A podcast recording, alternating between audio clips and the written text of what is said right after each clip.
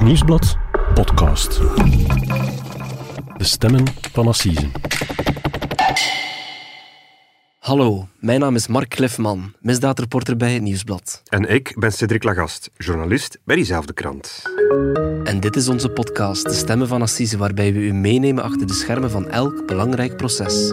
En vandaag hebben we het over de moord op Jill Himpe in 2019. Het slachtoffer werd met een scalpel de keel doorgesneden. Maar wat ging daar allemaal aan vooraf?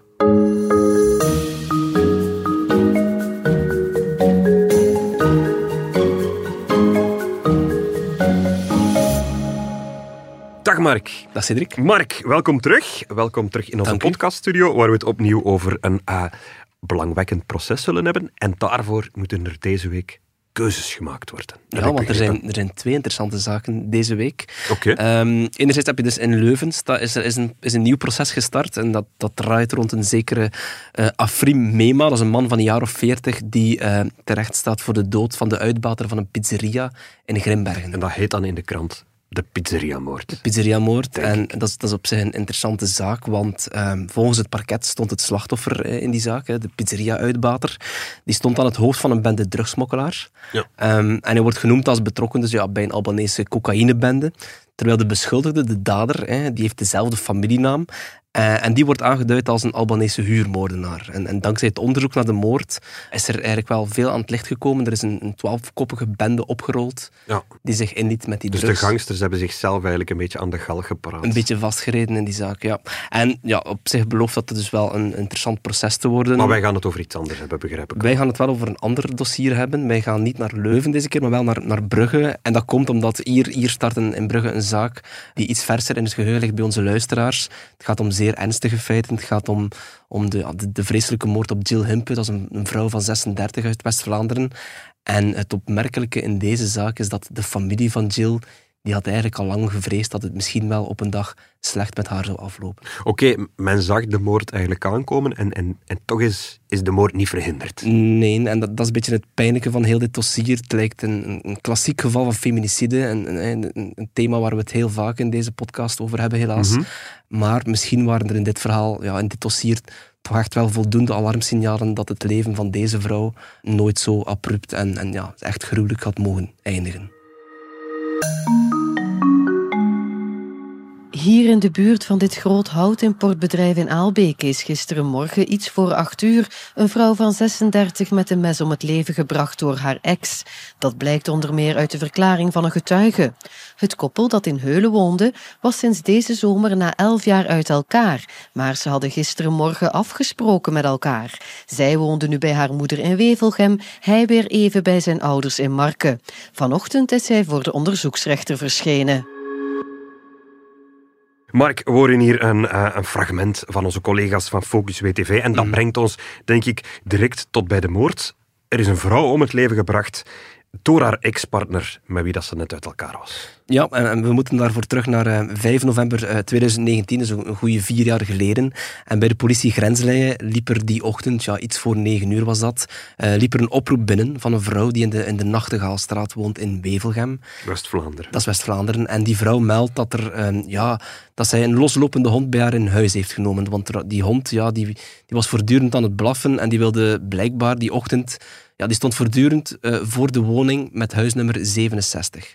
Dus die vrouw is daar gaan aanbellen, maar er deed niemand open. De baasjes waren niet thuis. De baasjes waren niet thuis. En, en die buurvrouw ja, is nog eens gaan kijken van dichtbij dan.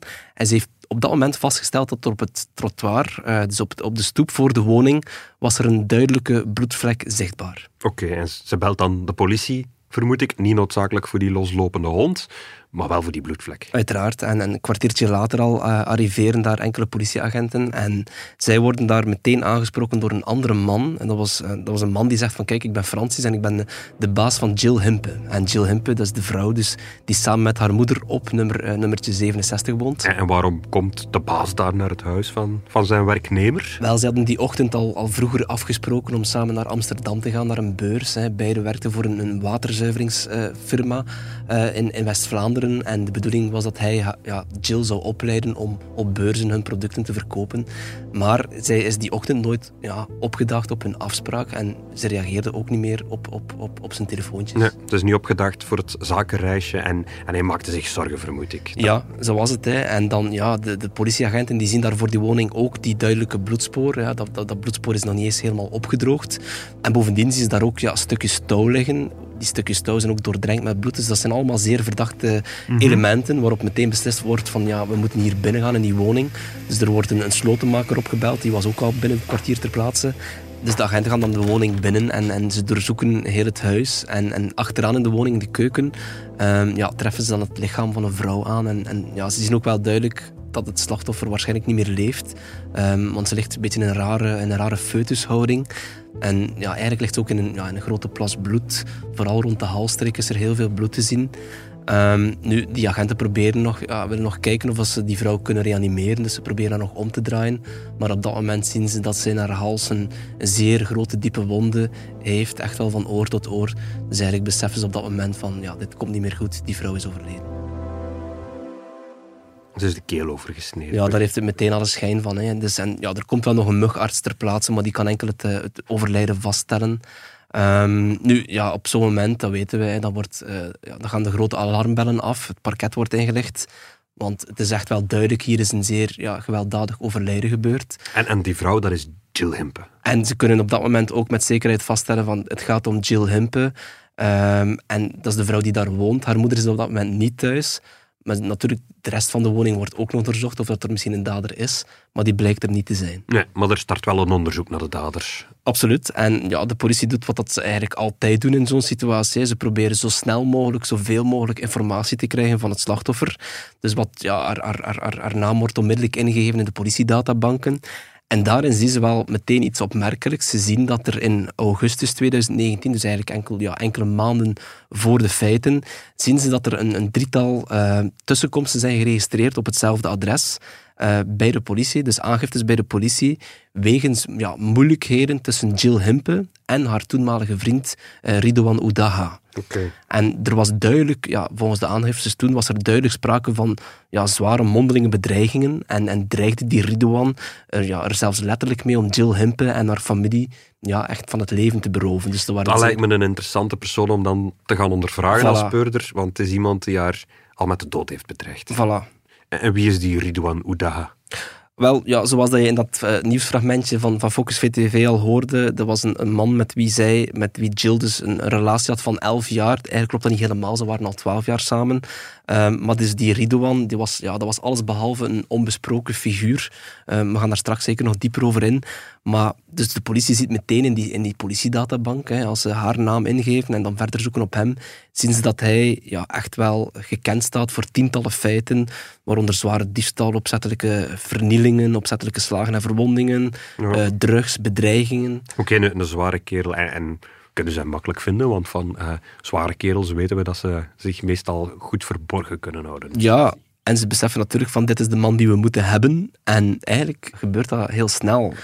Want om 9.34 uur, 34, hè, dat is, dat is ja, eigenlijk goed een half uur na het eerste telefoontje aan de alarmcentrale, krijgt de, de, de Kortrijkse onderzoeksrechter Mark Allegaard, die krijgt plots een, telefoontje binnen van een Oost-Vlaamse advocaat. En die advocaat die zegt van, uh, ik, ik zit hier uh, momenteel in een wagen op een carpoolparking in Deerlijk en ik zit hier naast mijn cliënt Ridouan Oudaha. En dat is de man die gezocht wordt. En, dat is de man die gezocht en wordt. die is er zich blijkbaar van bewust dat hij gezocht wordt. Ja, absoluut. En die is op dat moment van plan om zichzelf aan te geven. Oké. Want hij, hij, geeft onmiddellijk toe van kijk, ik biecht op, eh, ik heb mijn vriendin uh, om het leven gebracht. En ik, ik, wil mij aangeven, maar ik wil gewoon niet dat, er, dat de politie hier met groot machtsvertoon ter plaatse komt. En heeft, maar hij heeft wel eerst zijn advocaat gebeld en dan pas naar de politie. Ja, en het is denk ik de advocaat die hem waarschijnlijk overtuigd heeft om, om, om, ja, om zichzelf aan te geven. Oké. En die, ja, die onderzoeksrechter die, die, die, luistert natuurlijk onmiddellijk en die stuurt meteen een, eh, een anoniem voertuig van de politie ter plaatse naar die carpoolparking in, in Deerlijk. En die agenten treffen hem daar effectief aan naast zijn advocaat. Um, En effectief, de agenten hebben hem daar zien zitten naast zijn advocaat. Ze hebben hem gevraagd om uit te stappen. En op dat moment zagen ze dat er effectief ook ja, bloedsporen op zijn kleren zaten. En ja, ze hebben, ze hebben er natuurlijk niet aan getwijfeld dat hij de man is die ze zochten. Ze hebben hem meteen de, in, in de boeien geslagen. Ehm, en overgebracht naar het, naar het politiecommissariaat. Ehm, en onderweg was dat wel opvallend. Ehm, blijkbaar gaf hij toen wel een zeer ja, emotionele indruk eh, aan de speuders, aan de, aan de politieagenten. En hij zei toen ook letterlijk van, kijk, ja, eigenlijk wil ik dit niet meer overleven. Eigenlijk zou ik het liefst van al een, een- ja, een kogel door mijn kop schieten, maar eh, ik mocht niet van mijn advocaat.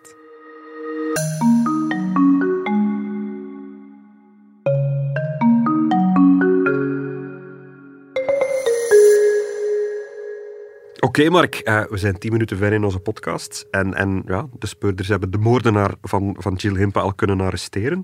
Hij heeft zichzelf aangegeven eigenlijk. Eh, wat gebeurt er dan? Goh, in die korte tijdspannen zijn er, zijn er een, een aantal eh, interessante getuigen opgedoken bij de politie.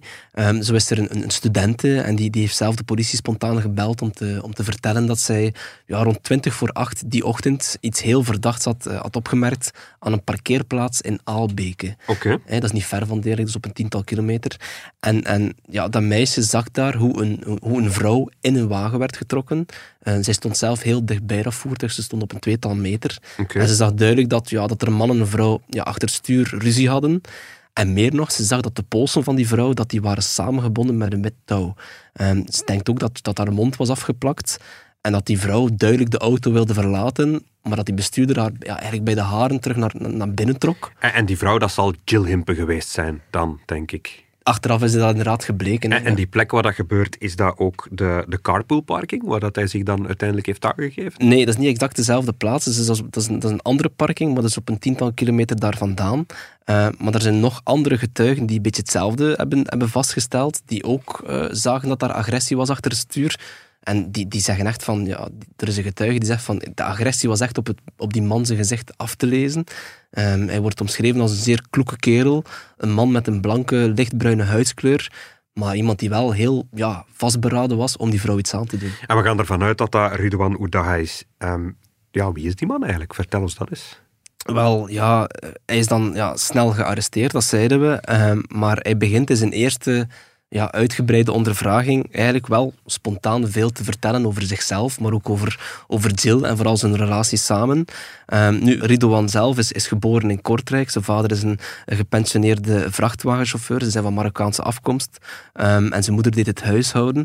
Ehm, op zich komt hij eigenlijk uit een heel warm gezin. En ja, hij, is, hij heeft school gelopen in Kortrijk zonder veel problemen. Hij heeft zelf nog een, een, een opleiding handelswetenschappen gevolgd. Maar ja, hij genoot iets te veel van zijn vrijheid tijdens zijn studies. Dus dat is niet helemaal goed afgelopen. Hij is nog marketing gaan studeren in Kortrijk nadien ook. Ehm, maar eigenlijk was het meer iemand die wilde gaan werken dan studeren. Hij heeft zijn diploma niet gehaald, bedoel ik. Nee, inderdaad. Hij zag zichzelf meer als een ondernemer, een zakenman. Ehm, en dat, dat was ook wel een beetje zo, want als twintiger begon hij dan ja, evenementen te organiseren, feestjes in discotheken. Eh, later ging hij nog tapijten verkopen. Maar het langst van al hield hij zich professioneel eigenlijk bezig met, het, eh, met, met, ja, met de groothandel van, van invoer van sinaasappelen uit, van, vanuit Marokko. Ehm, en hij ja, heeft daar eigenlijk goed geld mee verdiend ook. Hij heeft eigenlijk eh, altijd mooi zijn boterham verdiend. En hoe heeft hij dan Jill Himpe leren kennen? Goh, in zijn eerste ondervraging zegt hij van, ja, ik, ik organiseerde dus als die jonge twintiger ja, veel feestjes in de streek. En Jill was daar ook aanwezig, die stond dan vaak aan de kassa ook. Maar goed, ze, ze elkaar kennen en, en ja, ze vielen voor elkaar. En vanaf 2007, denk ik, ehm, hadden ze een relatie die een, die een jaar of twaalf duurde. En volgens Ridouan Oudaha was die relatie eigenlijk ook wel jarenlang een droomrelatie. Was er eigenlijk niets raars aan de hand. Eh, ze, ze konden het goed vinden met elkaar, ze konden goed praten. Jill was ook altijd heel ja, loyaal tegenover hem, zegt hij. En, en zij was, zij was een, een meisje met inhoud, zo, zo omschrijft hij het. Een, Ja. een crème van een vrouw. Oké, en wat, wat weet je over Jill Himpe? Wel, Jill is ook geboren in Kortrijk. Ze is de dochter van, van Caroline, eh, bij wie ze dan op het laatste woonde. Ehm, haar vader is nu twee jaar geleden eh, overleden. En ze heeft ook nog een oudere en een, een jongere zus. En Jill wordt eigenlijk al ja, door, door, door veel vrienden omschreven als, als een correct, eerlijk meisje. Iemand die zeer matuur was voor haar leeftijd. En een harde werker ook, een harde werkster. eh, waar je op kon rekenen, heel familiegerecht ook. Eigenlijk iemand die, ja, die, die altijd klaar stond voor alles en iedereen. Oké, het is geen prille relatie eigenlijk. Hè. Ze waren al sinds 2007 een koppel. Ze waren eigenlijk al twaalf jaar samen. Ja, inderdaad. En, en tot 2019 eigenlijk verliep het ook, ja, denk ik, zonder veel echte grote problemen. Maar ehm, volgens Ridouan Oudaha liep het vooral eh, in dat jaar wat verkeerd. Hij had een zaak gekocht, hij had veel winst gemaakt. Ehm, met die opbrengst van die winst had hij, had hij een hamburgerzaak in, in Kortrijk uh, overgekocht. En hij was daar dan zogezegd de baas van. En Jill, maar Jill die deed eigenlijk alles in, in die zaak. En zij deed, ja, zij deed de, uitvoering echt. Uh, maar toen ontstonden er ja, ook financiële problemen. Ze waren niet echt uh, al te best in, in de boekhouding, om het zo te zeggen. En, en Ridouan geeft ook wel toe dat hij in die periode ook wel um, ja, te veel naar de, de fles greep. Hij, nam ook cocaïne. En dat zorgde wel voor problemen in hun relatie allemaal. Ook problemen tussen hem en de moeder van Jill. Uh, die zaak is failliet gegaan, er, er kwam ruzie over centen. En hij kreeg, naar eigen zeggen, ja, heel erg het gevoel dat die moeder van Jill zich ook veel te veel met alles bemoeide. Maar het faillissement van de hamburgerrestaurant, dat was eigenlijk het einde van de relatie dan? Die, die financiële problemen en, en, die bemoeienissen volgens hem dan, dat zorgde voor een, voor een stress in die relatie, zegt hij. En op een gegeven moment, in, in, in de zomer van 2019, in augustus was dat, um, raakte hij betrokken bij een vechtpartij, had veel gedronken. Um, en, en toen heeft Jill ook wel echt aangegeven dat, dat ze bang van hem werd. Um, ze heeft hem dan ook ja, verlaten. Ze kon de druk blijkbaar niet meer aan. Ze is meegegaan met haar moeder. Ze is ook bij haar dan ingetrokken in die periode. Maar hij zegt van, kijk, ja, na een dag of drie uh, hadden wij weer contact en waren de problemen voorbij. En volgens hem waren er, dat zegt hij allemaal in zijn eerste verhoor, sinds eind augustus en de dag van de feiten waren er eigenlijk ja, geen echte problemen meer. Ze waren opnieuw samen. Maar wat is er dan fout gelopen? Ja, dat we het uiteindelijk toch met, een, met het lichaam van een vermoorde vrouw eindigen. Het is dat. Hè. En, in zijn eerste relatie aan die speuders geeft dus te kennen van, ja, wij, Jill en ik gingen onze relatie rustig terug opbouwen. Maar hij zegt dan ook wel een aantal opvallende dingen. Hij controleert daar duidelijk wel op een of andere manier. En hij, hij vroeg haar van, kijk, heb je iemand anders in die periode gehad?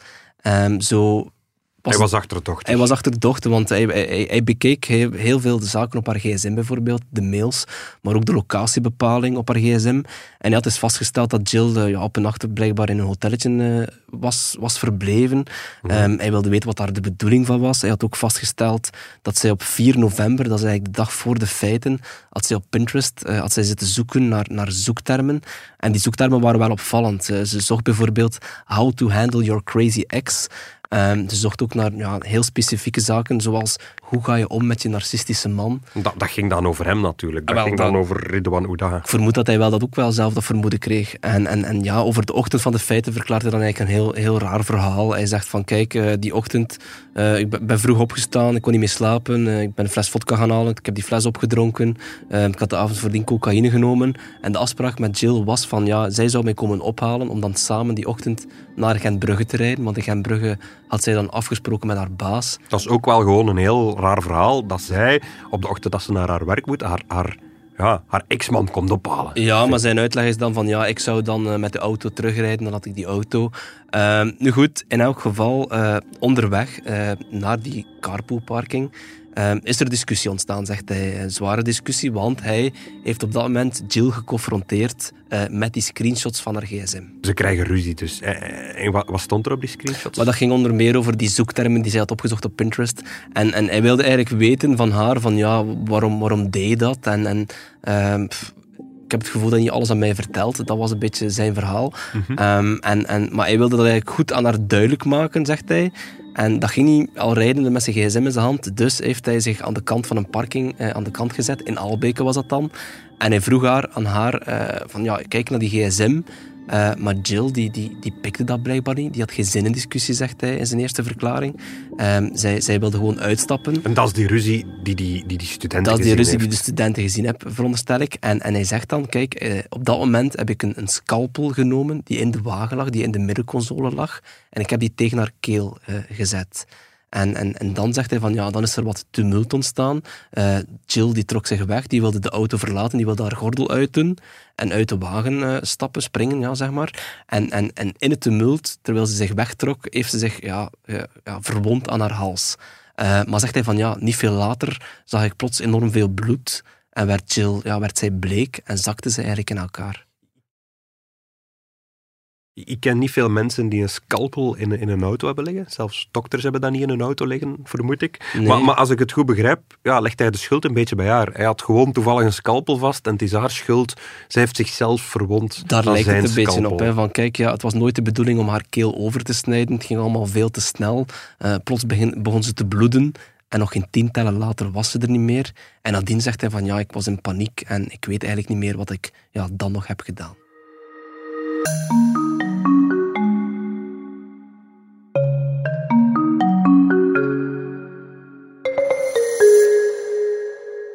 Mark, ik vat het even samen. Uh, Ridwan Oudaga die geeft eigenlijk toe dat hij, dat hij erbij was op het moment dat, dat, dat Jill Himpes stierf, dat hij een scalpel heeft genomen, maar hij zegt wel dat het nooit zijn bedoeling was om, om, om haar om het leven te brengen, denk ik. Hè. Maar ik, ik blijf zo wat hangen bij die scalpel. Ja. Waarom heeft hij een scalpel in zijn auto? Ja, ik denk niet dat er veel mensen een scalpel in de auto hebben liggen. Uh, maar hij zegt van, kijk, dat was mijn auto niet, dat was die van Jill. En die scalpel die lag daar toevallig uh, in de middenconsole van de wagen. En dat was iets van Jill, die scalpel, om, om, om mee te knutselen, zegt hij. Maar, zegt hij, hij benadrukt van, ik heb daar nooit ja, druk willen zetten met die scalpel. Eh, er was echt geen voorbedacht plan om haar daarmee te vermoorden, wel in tegendeel. Oké, maar we hebben wel nog altijd die getuigen, die studenten, die gezien heeft hoe, hoe Jill uit die auto wou kruipen. Maar ik dacht dat je zei dat ze was vastgebonden, dat zelfs haar mond was, was dichtgeplakt. Dat is hetgeen wat die getuigen aan de speuders verklaren. En natuurlijk, ja, ze gaan hem daarmee confronteren. Hè. Uh, maar Ridouan Odaga zegt van, kijk, ja, hij blijft daar een beetje van op de vlakte. Hij wil er eigenlijk niet echt op antwoorden in zijn eerste verhoor. Hij zegt van, kijk, ja, ik heb nu genoeg verteld. Uh, nu moet er eerst een en ander, uh, moet ik een en ander laten bezinken. Of om het in zijn woorden te zeggen, ik moet eerst de cassette eens laten terugdraaien. Nog iets wat ik vreemd vind. Ze is vermoord op de carpoolparking, denk ik. Maar haar lichaam is thuis gevonden. Ja, en, en dat is wel een aspect waar hij bij de onderzoeksrechter dan uh, later dieper op ingegaan is. En hij zegt van, kijk, ik hoopte dat Jill niet dood was. Um, maar ja, toen ik natuurlijk dat vele bloed zag, wist ik eigenlijk ook wel, wel beter. En hij dacht van, kijk, ja, nu ze dood is, ja, dan moet ik eigenlijk ook dood. En hij wou geen twintig jaar in de bak zitten, zegt hij dan bij zijn verklaring. En, en ja, daarom was hij eigenlijk van plan om zichzelf van het leven te beroven.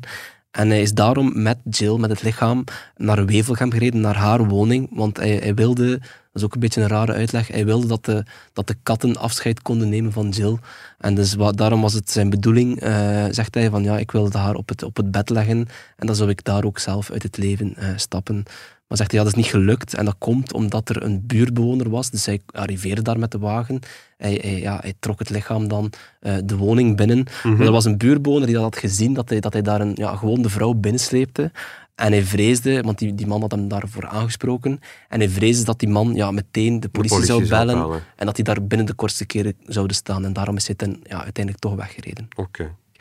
Hoe moet je als onderzoeker zoiets onderzoeken? Hoe moet je zoiets bewijzen? Namelijk, hij, zegt dat, dat, dat Jill Himpe zich per ongeluk heeft bezeerd aan een scalpel dat hij vast had. Ja, hoe, hoe onderzoek je zoiets? Hij geeft dus wel toe dat hij dat jaar bedreigde, dat hij dus effectief die scalpel tegen haar, tegen haar keel zet. Uh, maar hij zegt van ja, het was niet de bedoeling om haar te vermoorden. Nu, ja, natuurlijk, er gebeurt een autopsie, er komen wetsdokters aan te pas. Uh, die, die, ja, die, die onderzoeken uitvoerig die verwondingen en die stellen wel vast van ja, dat is hier niet zomaar eventjes een, snee. Er is ook een reconstructie geweest en daar heeft de, de wetsdokter heeft hem daar ook mee geconfronteerd op dat moment tijdens die reconstructie. Dat was al twee dagen na de feiten eigenlijk. En, en die wetsdokter zei wel fijntjes van ja, het gaat hier wel om een heel grote wonde. Mhm. Om enkel een scalpel te gebruiken en niet eens te snijden. Hij liet wel een beetje uitschijnen dat dat weinig waarschijnlijk was. Bovendien eh, heeft, heeft, heeft, later is hij dan nog een paar keer eh, uitvoerig ondervraagd en dan heeft hij zijn, zijn, verklaringen ook wel een beetje bijgesteld. Zo heeft hij dan uiteindelijk bijvoorbeeld ook toegegeven van ja, die scalpel, ja nee, dat, dat lag niet zomaar in die wagen. Ik had die uh, s ochtends vroeg bij mij thuis uh, uit het tuinhuis gehaald en ik had die mee. Heeft hij niet toevallig in een auto gevonden? Voilà.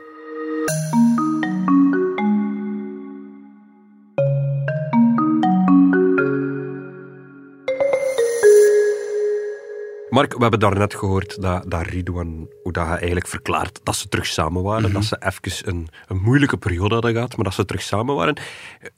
Ja, en ik had daar veel vragen bij. Ik, ik vermoed dat misschien de familie van Jill daar toch ook een ander verhaal over had. Ja, dat is het minste wat je kan zeggen. Hè. Caroline, de mama van Jill, is ook lang ondervraagd, eh, onder meer. En zij zegt van, ja, ik kende hem al ja, meer dan tien jaar. En ja, effectief, de eerste jaren gingen wel oké.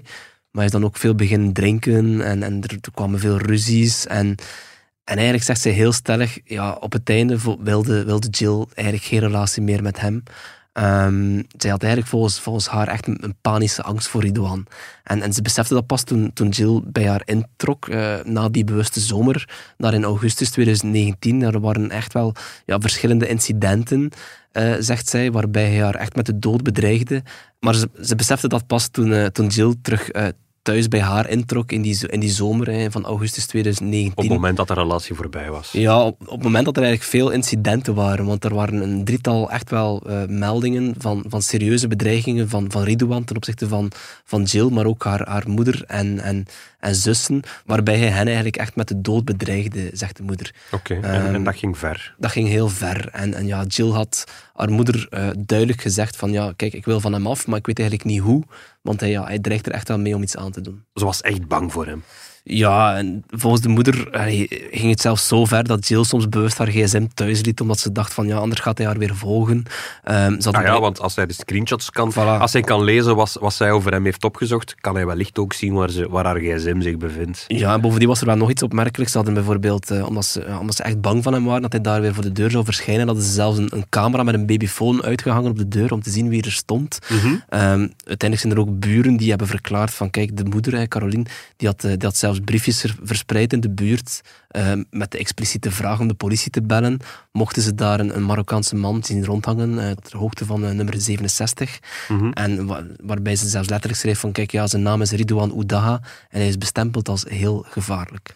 Dus ze is heel bang voor hem. De familie vreest zelf dat, dat, dat het fout gaat aflopen. Mm -hmm. Ik begrijp dan niet dat op de ochtend dat ze uh, eigenlijk op zakenreis naar Amsterdam moet, dat ze zich voor haar nieuwe job met de baas naar, ja. naar, naar die beurs moet, dat ze dan toch nog naar zijn huis rijdt om hem mee te nemen tot aan, aan, aan die carpoolparking. Ja, dat klinkt heel onlogisch. Het feit is natuurlijk wel dat ze, dat ze elkaar blijkbaar wel nog zagen dan, buiten medeweten om, van, van de moeder van, van Jill.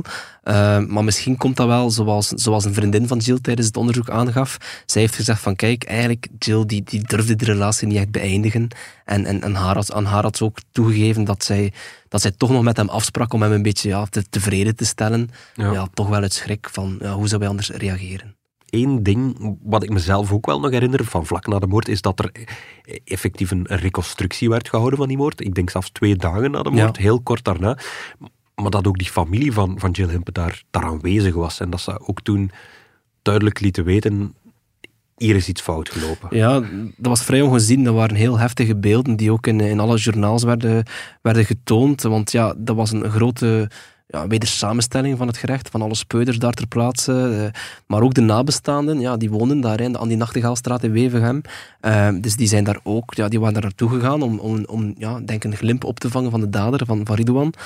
Um, en, en daar waren zij zeer emotioneel. De spanning liep dan ook heel, heel hoog op. Um, natuurlijk, ja, dat was nog maar twee dagen na de feiten. En het frappante wat ze daar zeiden, het opvallende was wel dat ja, ze waren heel boos op politie en justitie. vooral omdat zij het gevoel hadden van, kijk, we hadden echt wel gewaarschuwd dat er bij de politie dat er, dat er een gevaar was bij Ridouan. En, en ja, zij vinden dat er niet genoeg naar hen geluisterd was.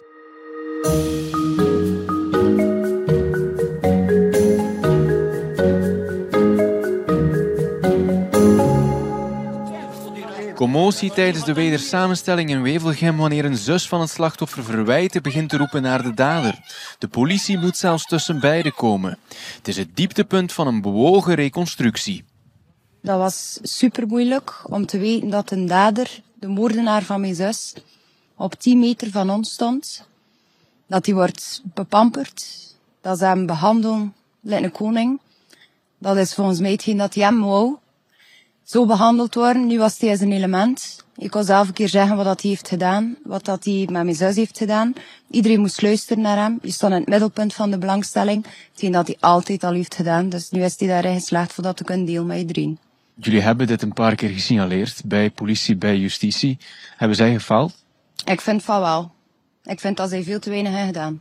Op alle vlakken. Ondersteuning, hulp, het enige wat er werd gezegd aan mijn zus was misschien best een flesje deodorant en een aansteker kopen. Dat kan je toch verdedigen als die iets zou doen.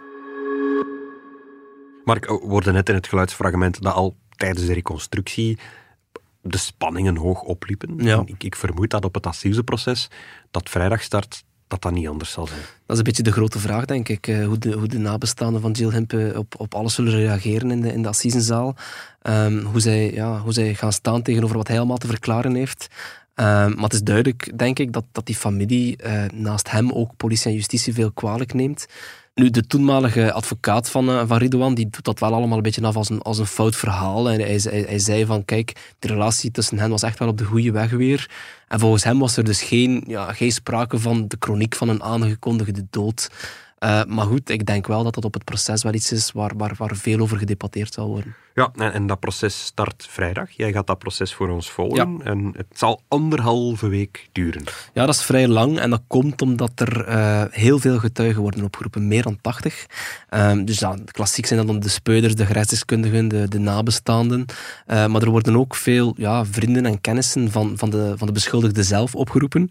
Het, gaat, ja, het gaat wel om opvallende mensen. vertrouwenspersonen van hem destijds.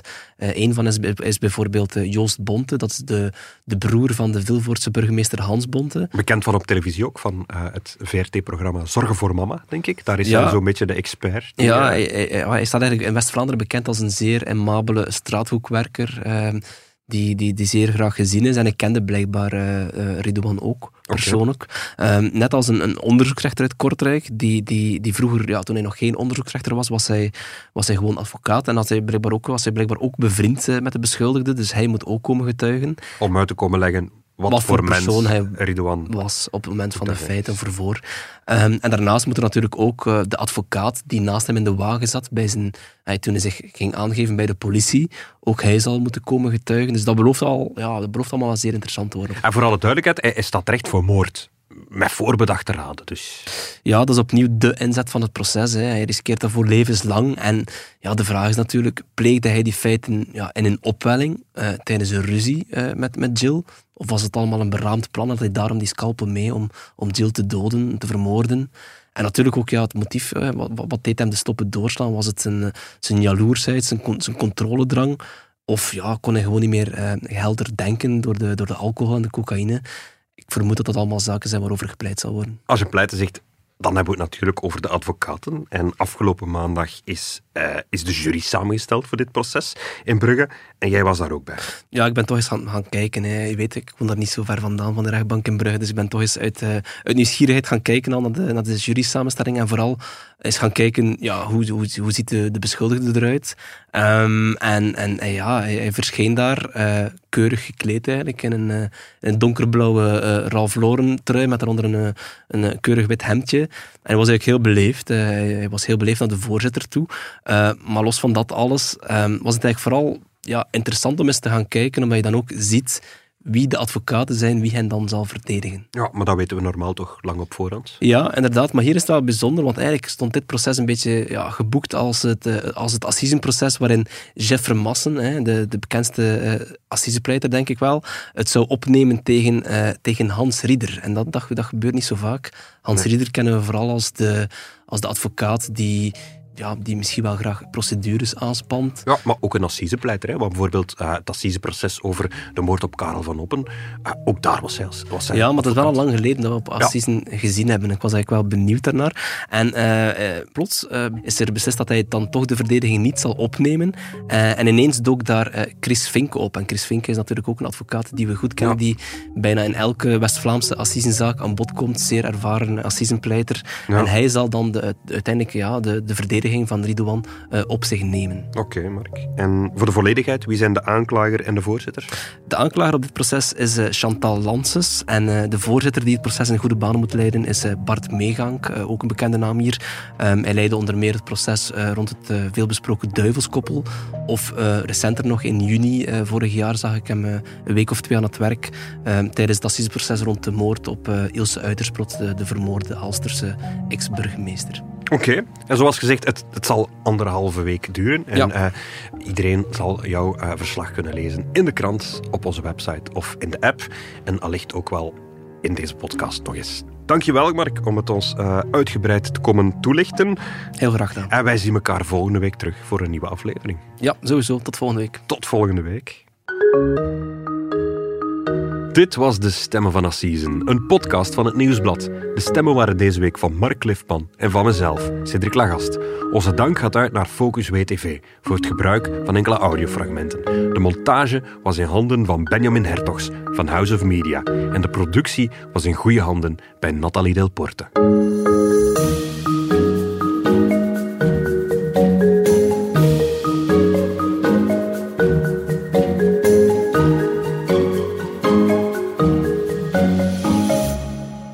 Wie met vragen zit over zelfdoding, kan terecht bij de zelfmoordlijn op het gratis nummer 1813 en op de website www.zelfmoord1813.be.